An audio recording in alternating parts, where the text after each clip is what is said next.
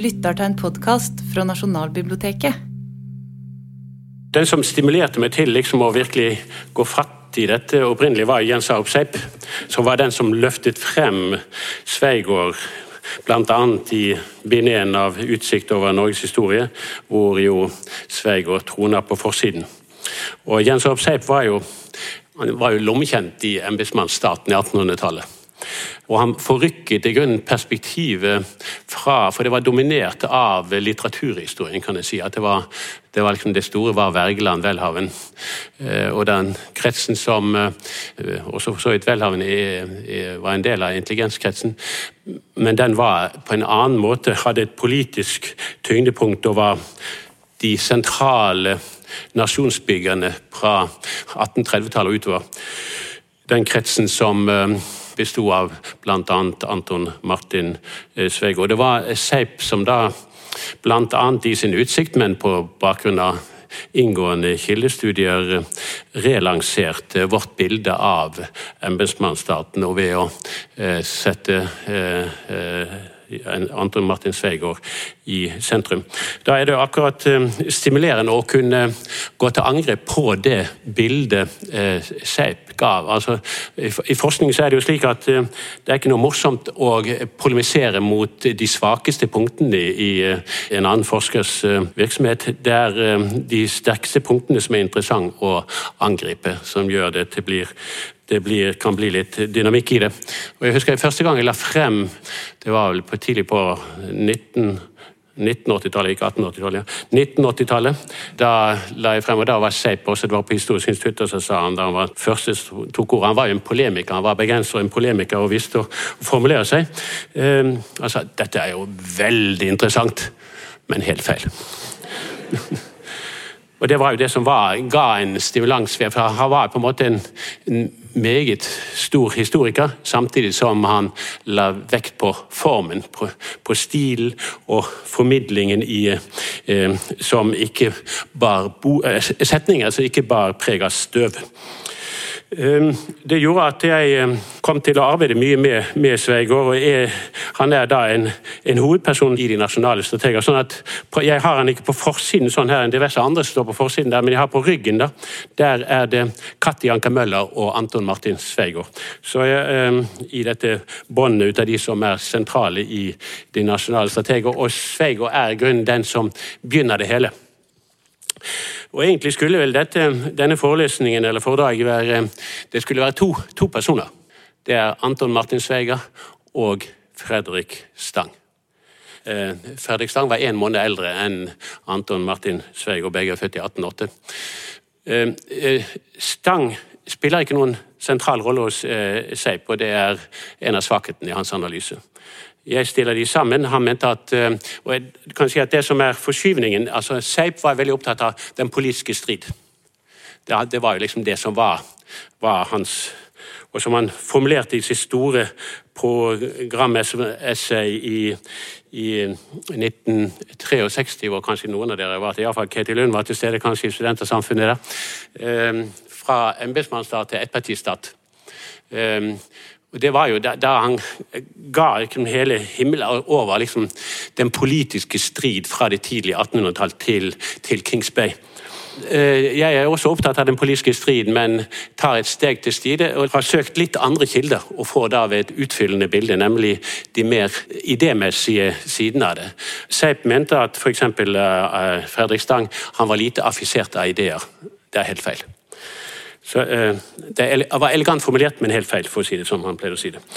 Eh, det var ikke så elegant formulert, riktignok, men Vel, eh, Anton Martin Sveigård, født 1880, død 1870, inkarnerer mer enn noen embetsmannsstaten i norsk historie.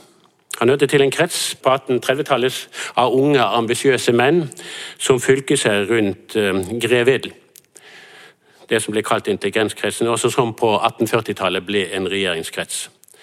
De representerte, som det var sagt, et ungdomsopprør som lyktes. Det var altså Sveigård og Fredrik Stang, de to juristene i dette, i dette miljøet. Det var jo andre også, for så vidt Faugstad var en av de. Men de to andre som jeg nevner, er historikeren Per Munch og filosofpoeten JS Welhaven. Men en kan si at det som preget, som ble formene for, for denne kretsen, og som gjorde de spesielle i norsk historie, var kombinasjonen av juss og sosialøkonomi. I den kombinasjonen som Stang og Sveigård representerte. Og Det bemerkelsesverdige er jo at disse to unge juristene på 1830-tallet bare var så vidt myndige da de utformet den plattformen for nasjonens modernisering som de siden søkte å realisere fra maktens posisjoner. Det er mer enn noen disse to, Sveig og Stang, som representerer det jeg kaller da det professorpolitiske regimet, som er embetsmannsstaten fra 1830-tallet, 1840-tallet og frem mot 1884. Så jeg går bare noe for, om hans personalie. Han vokste opp i Kragerø, der faren drev en krambod uten stor suksess. Foreldrene døde da han var ti år gammel. Få måneders mellomrom. Han ble etter hvert tatt av hånda sine slektninger. De ville at han skulle bli, overta kramboden, men det, de sendte han bl.a. til Nord-Tyskland, til en liten by, for å lære seg tysk, som var tidens handelsspråk i norsk sammenheng. Men der ble han oppdaget den lokale pressen som oppdaget hans evner. Lærte han både latin og fransk. Og fikk han inn på Skiens latinskole. Der kom han i klasse med P.A. Munch, som ble hans venn for livet. Under ledelse av rektor Ørn, som ble en legendarisk skikkelse, som var også lærer for han som er neste, neste person ut i dette, i dette galleriet som Nasjonalbiblioteket har, Markus Jakob Monrad.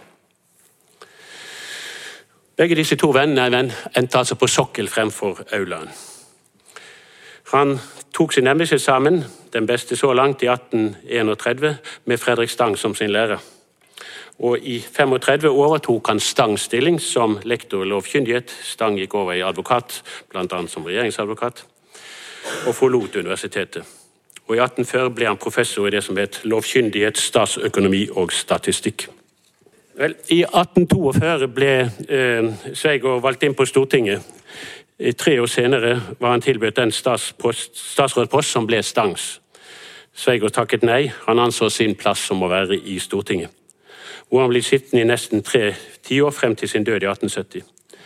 Stang gikk inn i regjeringen som sjef for det såkalte Indre departementet, som ble det og ble dets, den nye regjeringens ledende kraft. Indredepartementet var det nye moderniseringsdepartementet. Stang og Sveigård delte så å si det politiske systemet mellom seg. Sveigård tok Stortinget, Stang regjeringen. I den tid Stortinget var samlet, kunne de ses vandrende på Karl Johan, arm i arm. Stang hadde ikke adgang til Stortingets forhandlinger på den tiden, hvor Sveigård var den suverene, men på Karl Johan gikk regjering og storting arm i arm. Ut fra denne dobbelte maktposisjonen, kontroll over storting og regjering, ble Sveig og Stang de store nasjonale strateger som sto i spissen for det moderne gjennombrudd i de neste tiår. Det er jo, for så vidt Når jeg sier det moderne gjennombrudd, så er det også en forrykking i forhold til litteraturhistorien. For den har okkupert mye av vårt bilde. Det, fordi at det moderne gjennombruddet er som begrep knyttet til litteraturhistorien. Men det er egentlig, slik jeg tenker det, og tror jeg også slik Seip tenkte det, det er knyttet vel så mye til Stang og Sveig og deres modernisering. Vel, Stang var den av de to som viste størst politisk smidighet, men også han stivnet til i møte med Johan Sverdrups ekspanderende venstreopposisjon. Sveigård døde før den avgjørende konfrontasjonen om det stanske system, som det er kalt. Han døde, Sveigård døde dagen etter at hans kone Karoline Homan, som har vært lenge syk, de var gift og sto dessuten hverandre meget nær. Eh, hjertet brast dagen etter hun døde, så de ble begravet sammen. min, min skisse er i seks ledd. Først sier jeg litt om embetsmannsstaten som juristenes stat. Dernest om 1830-tallets ideologiske revolusjon, som er sentral, det sentrale bidrag fra Jens Alpseip. Dernest om det, det jeg kaller den vitenskapelige reformisme. Det fjerde punkt statlig lutret liberalisme. Det femte embetsmannsstaten som kunnskapsregime. Og til sist fra Anton Martin Sveigå til Jon Arne Riise. 1. 1814-revolusjonen etablerte et skille mellom stat og samfunn i opposisjonen til eneveldets sammenfiltring av kongemakt og samfunnsliv. Den statlige makt skulle være begrenset for derved å åpne frie handlingsrom for samfunnsborgerne. Et rom for kommunikativ diskurs, som en vil i moderne språk, det sivile samfunn, og et annet for strategisk nyttekalkulasjon, altså markedet. Og en kan si at Den politiske strid i en viss forstand siden 1814 har dreid seg om det rette forhold mellom disse tre stat, marked og sivilsamfunn. Dette er modernitetens politiske tema, som for Norges del fikk en særskilt forming gjennom statens fremskutte plass. Som vi kommer mer tilbake til statlig lutret liberalisme. 1814-staten hadde en uvanlig bred demokratisk basis. Altså, Norge hadde den mest radikale stemmerettsordning i 1814 i Europa som også legitimerte og ga muligheter for å legitimere en sterk statsmakt. Staten hadde oppslutning i kraft av sin representativitet. Den representerte samfunnet. Et nett av tillit og forpliktelse bandt samfunn til stat og stat til samfunn. Det var denne gjensidige forsterkning mellom stat og samfunn som ble tematisert av Sverige og Stang i deres studier. En stat som var sterk derved at den sprang ut av et sterkt samfunn, kunne gjennom sin intervensjon frembringe et sterkere samfunn.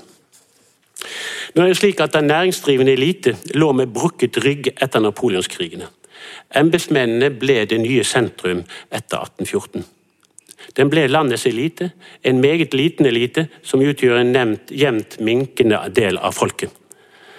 Gjennom hele denne epoken som bærer dens navn, embetsmannsstaten fra 1814 til 84, var tallet på embetsmenn omkring 2000. I samme tidsrom ble landets befolkning fordoblet fra knapt 1 million til knapt 2 millioner. Embetsmennene var en statsbærende elite ved at de kombinerte kontroll over maktens ressurser med en enhetsskapende integrasjon.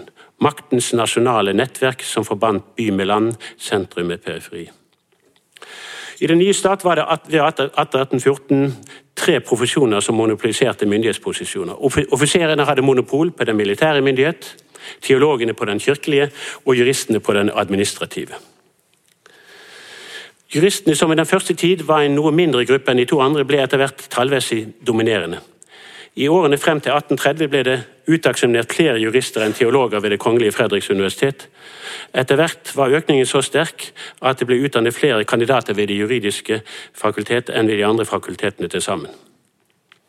Mer enn noe annet ble universitetet i denne epoke en juridisk graderskole. De fikk en voldsom vekst. I 1884 var det, 1844 var det 800 jurister mot 450 prester. I 1895 var forholdet 2000 jurister mot 700 prester. Altså, de dominerte gjennom 1800-tallet i regjeringen, i embetsverket på universitetet og i lange perioder på Stortinget. Juristene forente det moderniserende med det nasjonalt integrerende.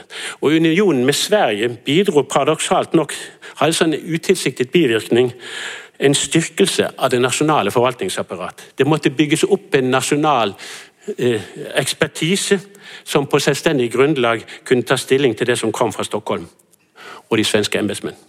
Juristene spilte en helt sentral eh, rolle i etableringen av det nye samfunnet.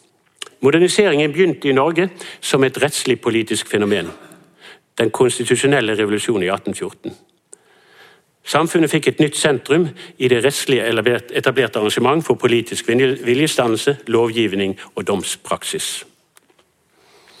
Jeg kan si at Dette arrangementet var en institusjonalisering av en moderne idé som først filosofene hadde formulert, nemlig at samfunnet kunne binde sammen ved ordets makt at samfunnsborgerne gjennom diskusjon og forhandling kunne enes om felles ordninger for fredelig regulering av strid.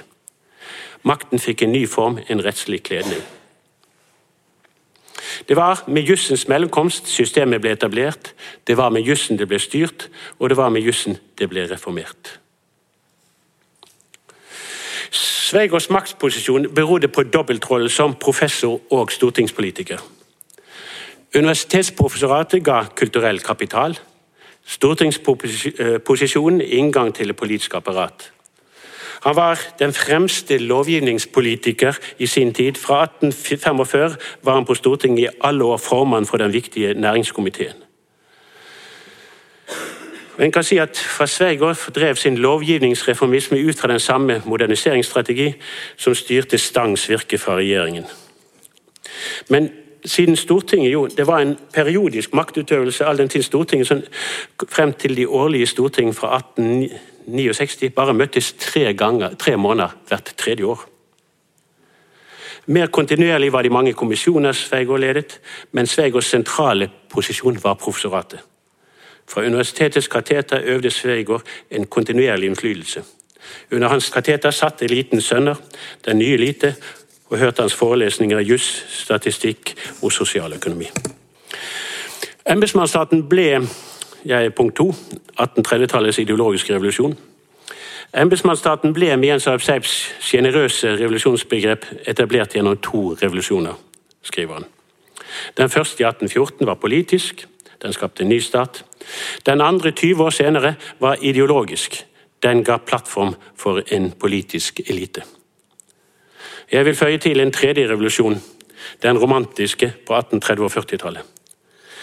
Embetsmannsstaten ble formet i brytning mellom disse tre revolusjoner i anførstein, og deres idémotiver. 1814 revolusjonen med motiv om demokratisk rettsstat. De to øvrige med motivene om instrumentell nytte og om etisk ekspressiv identitetsdannelse. Det moderne gjennombrudd i det norske system fikk sin form gjennom en spenningsfylt konstellasjon av disse tre motivene. En kan si at en kan følge disse spenningen mellom disse tre gjennom, også gjennom venstrestaten og arbeiderpartistaten for så vidt frem til i dag. 1830-tallets ideologiske revolusjon hadde to elementer, slik Seip påpeker. Den ene var det som man kaller positivistisk, en dyptgripende fornyelse av vitenskapen. Et paradigmeskifte, vil vi si. Der en ut fra empiriske data skulle utlede generelle lover. I bakgrunnen aner en August Combs eh, fysikk sosial, som hadde kvittet seg med gamle, det gamle teologi og metafysikk. Det annet element i denne revolusjonen var det utilitaristiske, det nyttefilosofiske. Nytten ble løftet frem som et avgjørende kriterium. Den ga jussen et nytt moment utover det rettsstatlige. Den ble et reformerende styringsinstrument via det utilitarismen. En kan si at 1830-tallet brakte frem nyttetenkningen innen juss, politikk og samfunnsledelse. Det ble det gjennombrudd for den styringsideologi gjennom 1830-tallet som bar videre utover. Tidlig på 1830-tallet skrev Sveigård sine to grunnleggende ideologiske studier som introduserte denne nytefilosofien. Den ene, døde filosofi Almand, utformet etter samtale med Henrik Heine i Paris, publisert i tidsskriftet La France Litterære i 1835. Det var et ganske ubeskjedent oppgjør med tysk idealisme fra Kant til Hegel, og var formet som en nordmanns advarsel til franskmennene om tysk filosofis farer og fristelser. Det ganske, dette er jo en mann på noen og 20 år som advarer franskmennene.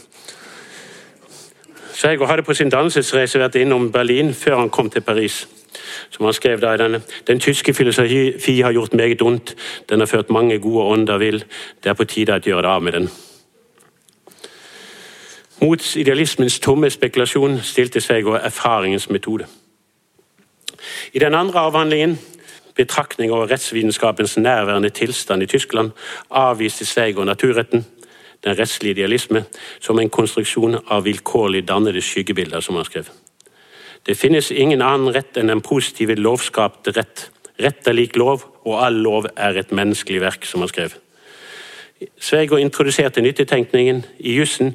Den lovformen er den rette som gir flest atomer av nytte, som han sa. Vel, nyttetenkningen, Denne nyttetenkningen hadde ikke sitt utspring i jussen, men i naturvitenskapen. Den teknisk-instrumentelle modernisering og dens mål om å utvide menneskets herredømme over naturen. Av denne forestillingen vokste tanken om en kunne beherske også samfunnslivet, ikke bare naturen.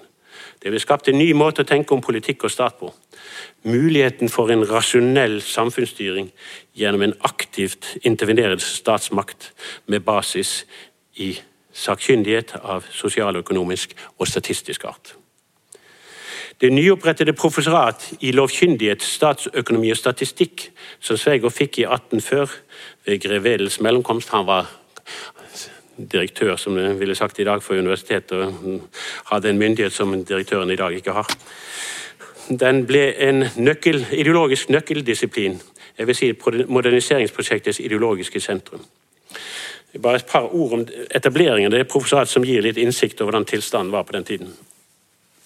Da professor Gregers Fogner Lund, som hadde hatt ansvar for så vel statsøkonomi som statistikk, døde i 1836, oppsto det strid om hvilket fakultet statsøkonomien og statistikken skulle tilhøre. Filosofisk fakultet eller juridisk fakultet.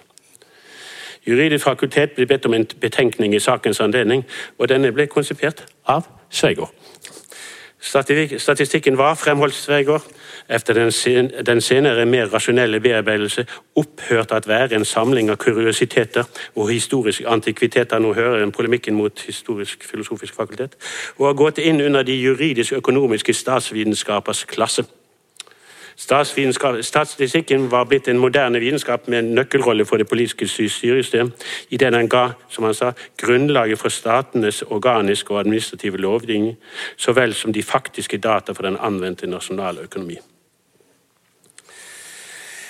Ja, En slik beskrivelse av resultatene av statsvirksomheten føltes påtrengende for moderniseringspolitikerne når der i våre materielle statsinnretninger skal forandres, rettes eller forbedres, som man skrev.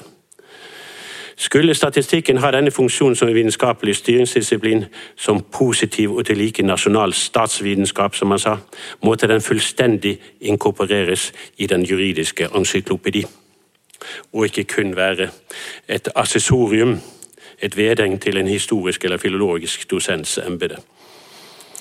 Slik talte en 29-åring som ikke var i tvil om den nasjonsbyggende rolle han hadde tiltenkt seg selv, og som regimesterke mann grev Wedel hadde tiltenkt ham. Det gikk som Sveiger og Wedel ville. Sveiger fikk ansvaret for undervisningen i statistikk, og tre år senere ble han professor i lovkyndighet, statsøkonomi og statistikk, med Ludvig Christensen da som rival fra Det filosofiske fakultet. Det akademiske kollegium hadde ønsket seg, også ved denne anledningen som tidligere, da i stillingen, men de politisk styrende ville ha Sveigård. Også denne gang ble utnevnelsen av Sveigård legitimert ved en betenkning fra Det juridiske fakultet, konsipert av Sveigård selv. Hans synspunkter hadde fått en enda sterkere programmatisk tilspissing i nasjonal styringsvitenskapelig retning ved integrasjonen av statsøkonomi og statistikk med jussen. En økonomisk lære der i den betydning er norsk at det kan yte riktig veiledning og hva der hos oss bør rettes og forbedres, og tjene til at lede og befeste allmennanskuelsen angående våre egne økonomiske finansielle anliggender, fremkommer først ved en sådan gjennomarbeidelse av vårt lands økonomiske institusjoner at de i deres grunnsetninger, formål og virkninger fremstilles, fremstilles til beskuelse i vitenskapens lys osv. Vel, han fikk det som han ville i senere i Arbeiderpartiet-staten het jo at noen har snakket sammen. Sveigård var ikke, slet ikke med det, han kunne snakke med seg selv. Vel, Han etableret basis for en ny styringsideologi som ble bærende i det norske systemet. Punkt tre vitenskapelig reformisme. Den statistiske vitenskap åpnet nye perspektiver for samfunnsstyringen. Ved bruk av mer systematiske empiriske studier kunne en undersøke lovgivningens faktiske virkninger på ulike samfunnsfelt. Samme år som han ble professor, utga Sveigårds i 1840 Norges statistikk, som dokumenterte de fornyende ambisjoner. Men Sveigård ble opptatt på annet hold. Han var i Stortinget og på universitetet fikk aldri skrevet det oppfølgende bind han hadde planlagt. De gjorde i stedet kopist MB Tvete, som satt i tabellkontoret i Stangs indre departement. Der ble den offisielle nasjonale statistikk utarbeidet. Og De som kom til å bære statistikkarven videre fra Sveigård, var T.H. Aschehoug, jusprofessor etter hvert, og Eila Sundt, sosiolog, Norges første sosiolog. Deres siktepunkt var gjennom statistikken å utvikle samfunnsvitenskapen som en mer empirisk disiplin. Den skulle tjene den sosiale vitenskap til grunnlag, som de sa.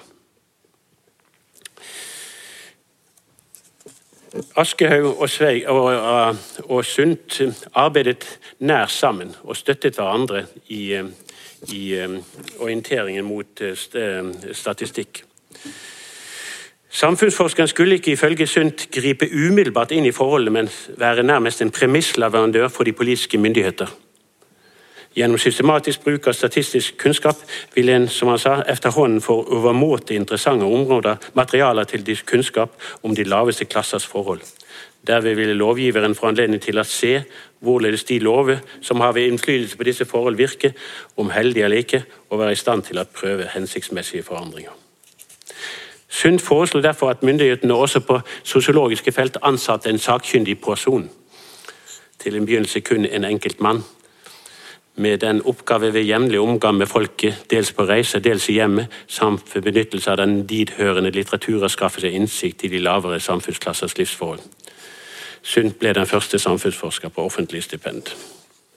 Fremveksten av en ny vitenskapelig det, det Eilesund på 1850-tallet kalte en lykkelig vending i tenkemåte og begrep. Denne fremveksten av ny vitenskapelighet i studiet av samfunnslivet skapte en forestilling om politikkens vitenskapeliggjøring, nemlig at det var mulig å styre samfunnsutviklingen med basis i moderne vitenskap. Det ble den nye ideologi, det jeg vil kalle en vitenskapelig reformisme som ble bærende i det norske system gjennom 1800-tallet og videre utover 1900-tallet. Uansett om kledningen var liberalisme, konservatisme eller sosialisme, ga denne, denne en vitenskapelig reformisme plattform for en reformerende styringselite, som etablerte seg til dels i opposisjon til det tradisjonelle maktapparat med dets tradisjonelle byråkratiske forvaltere. Et sentralt punkt er den statlige lutrede liberalisme, som jeg kaller det. Og For å få et begrep om embetsmannsstatens styringsideologi må Fredrik Stangs studie om politisk lederskap fra 1835 bringes inn. Utformet i forlengelsen av Sveigårds eh, nytteorienterte programstudier. Stang var opptalt av det politiske lederskaps særtrekk i forhold til den byråkratiske embetsledelse. I regjeringspolitikernes virksomhet har skrev Stang forfalt til alminnelig embetsrutine, til jevne rutinerede administrasjonsgang. Politikk var for Stang ikke rutine, men initiativ og kamp. Det hyppige ordet i hans avhandling. Det manglet en kampplass på hvilken folkemeningens oppgaver kunne møtes med regjeringen i åpen og ærlig strid. Han ville jo ha adgang til Stortinget, selvfølgelig. Møte mellom regjering og storting. Han ville ha en dynamisk ledelse, politisk ledelse. Det var gjennom politisk initiativ samfunnet ble drevet fremover. Politikken var samfunnets motor, ifølge Stang, med regjeringen som politikkens ledende organ. Uten regjeringens ledelse og innflytelse ville staten bli stasjonær og samfunnsutviklingen ustyrt. De fremskritt samfunnet på statsstyrelsens vei skulle gjøre, ville bli tilfeldige og planløse. Regjeringen skulle lede statsmaskinens gang. Initiativet i regjeringens hånd var det aller viktigste drivhjul i den hele statsmaskinen. Det som trengtes, var en kraftig statsstyrelse, sa han. En virksom og progressiv statsstyrelse. Stang slo altså et slag for en ledende elite. Ville forene det demokratiske og det elitistiske i den kjente formulering allmennviljen lutret og modereret skal være den bevegende kraft i alle statsorganismens retninger. Vel, dette, Den kraftige statsstyrelse er et sentralt motiv hos Sveigård og Stang. Det berører det punktet som gjelder økonomisk liberalisme. Hvis en slår opp på, økonomisk, på Sveigård i Norsk biografisk leksikon, så vil, skrevet av Øystein Sørensen, eh, historiker, så vil en finne at eh, han fremstiller da Stang og Sveigård som økonomiske liberalister. Senest gjentatt nå i Morgenbladet for 14 dager siden. De var økonomiske liberalister. Det er lite treffende. Den lære Sveigård doserte og Stang også med ham, var i en viss forstand økonomisk liberalisme. Men økonomisk liberalisme betød i tidens eh, europeiske idéliv det samme som laissez-faire-liberalisme, med selvregulerende marked, privat initiativ og en passiv stat. Sverige og Stangs egenartede grep var å forene denne økonomiske liberalisme med forestillingen om kraftig statsstyrelse. En statlig initiativ, en statlig lutret liberalisme er det karakteristiske for disse nasjonale strategene. Sveigård markerte sine statsøkonomisk gjennom sine forelesninger. og Her kommer jeg til Nasjonalbiblioteket Gleden. gleden. Jeg har sittet her i, i en år etter det andre og studert eh, forelesningsreferater fra midten av 1800-tallet og fremover.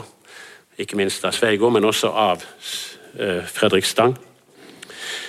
Han begynte bl.a. sin forelesning i 1847 med en, hans økonomiske forelesning med en front mot det han kalte den engelske skole med dens lære om den passive, ikke-intervenerende stat. Jeg kan si at Sveigers økonomiske liberalisme var formet i tre motiver.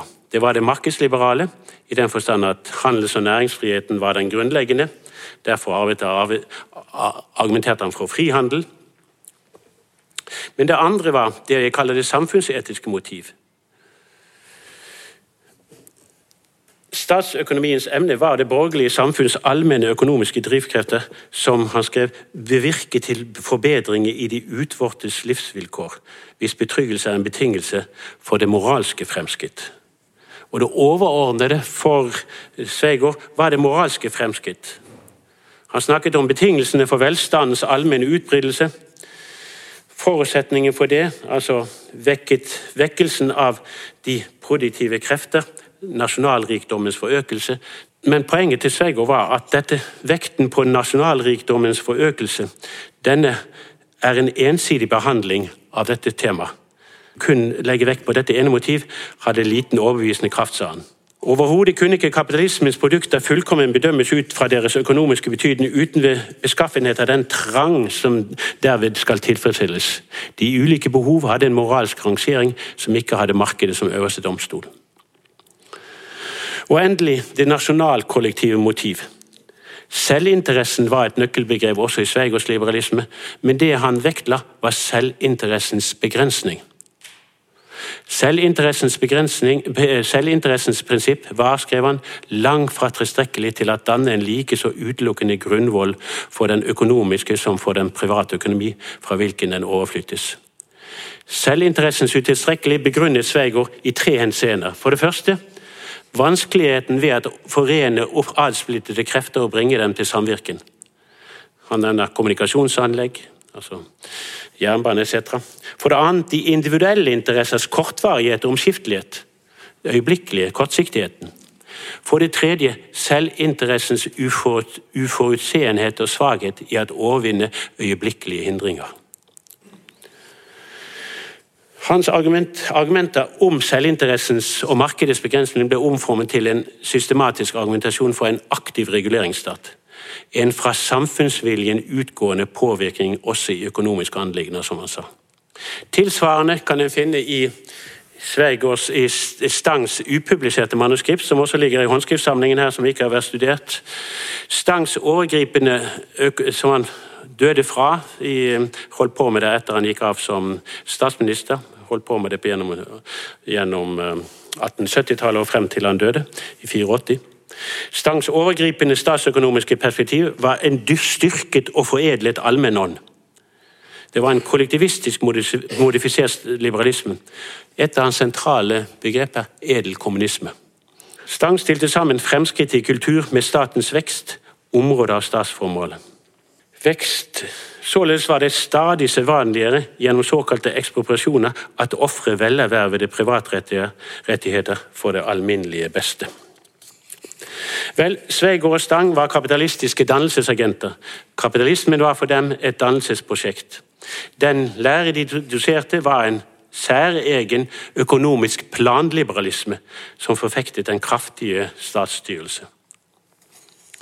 Denne lutrede liberalisme var ideologien for et system kjennetegnet ved dobbeltgrep. Markedets usynlige og politikkens synlige hånd. Jeg kan si at Det kollektive, det statlige som det kollektives uttrykk, hadde i dette prosjekt en langt mer fremtredende plass enn det tidens europeiske liberale ideologi tilsa. Samfunnet som det gode fellesskap lot seg ikke liberalistisk realisere bare via markedets konkurranse, men krevde ifølge Stang og eh, Sveigård styring via politikkens synlige hånd og via det de sa kalte samfunnsinstitusjonenes sedelighet, altså samfunnsetikken. Mitt synspunkt er at denne statlig lutrede liberalisme gir, forklarer også hvorfor i betydelig grad kapitalismen i Norge var en statlig iscenesettelse. Kapitalismen ble, som er en sentral tese i disse nasjonale strateger, etablert på politiske embetsmenns initiativ som en statlig iscenesatt kapitalisme. F.eks. etableringen av DNC i 1857 ble initiert av etterkommende av, eller elevene til, til Sveigård, Ole Jakob Broch og Theo Aschehoug. Begge på den tiden universitetslektorer. Den ble etablert som den første moderne, moderne bank. Kredittkassen var etablert tidligere, men ikke på samme nivå. og Bergens Bevatrang tilsvarende.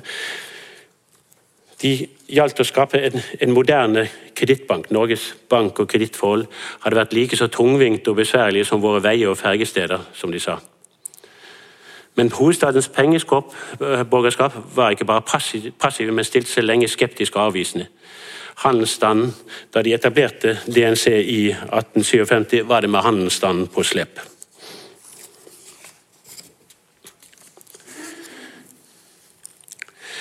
Eh, embetsmannsstaten var et kunnskapsregime som var forankret i det juridisk statsøkonomiske. Jeg beskriver altså, eh, embetsmannsstaten som et kunnskapsregime, eh, og i det ligger det en, en, en fortsettelse fra Seips. Hans rekonstruksjon av norsk historie var jo skiftende politiske regimer politiske regimer bestemt ut fra hvem som hadde kontroll over de sentrale posisjoner i det politiske apparat. Ehm, det var en, det var en diskusjon i, gjennom 1970-tallet ehm, hvor bl.a. Francis Sejersted, særlig Francis Sejersted utfordret seg på dette punkt. I tillegg til et begrep om det positive begrepet om politikk, kontroll over maktens ressurser, poengterte han at de må ha et begrep om negativ makt. Bindingen av den løpende maktutøvelse ved rettslige og konstitusjonelle bånd. Og et begrep om kommunikativ makt. Evnen til å kunne enes om det felles beste ved fri diskusjon. Derved blir det en, en spenning mellom politikk og rett, mellom demokrati og rettsstat, mellom den politiske og rettslige institusjon. I min rekonstruksjon føyer jeg til en tredje institusjon, den vitenskapelige.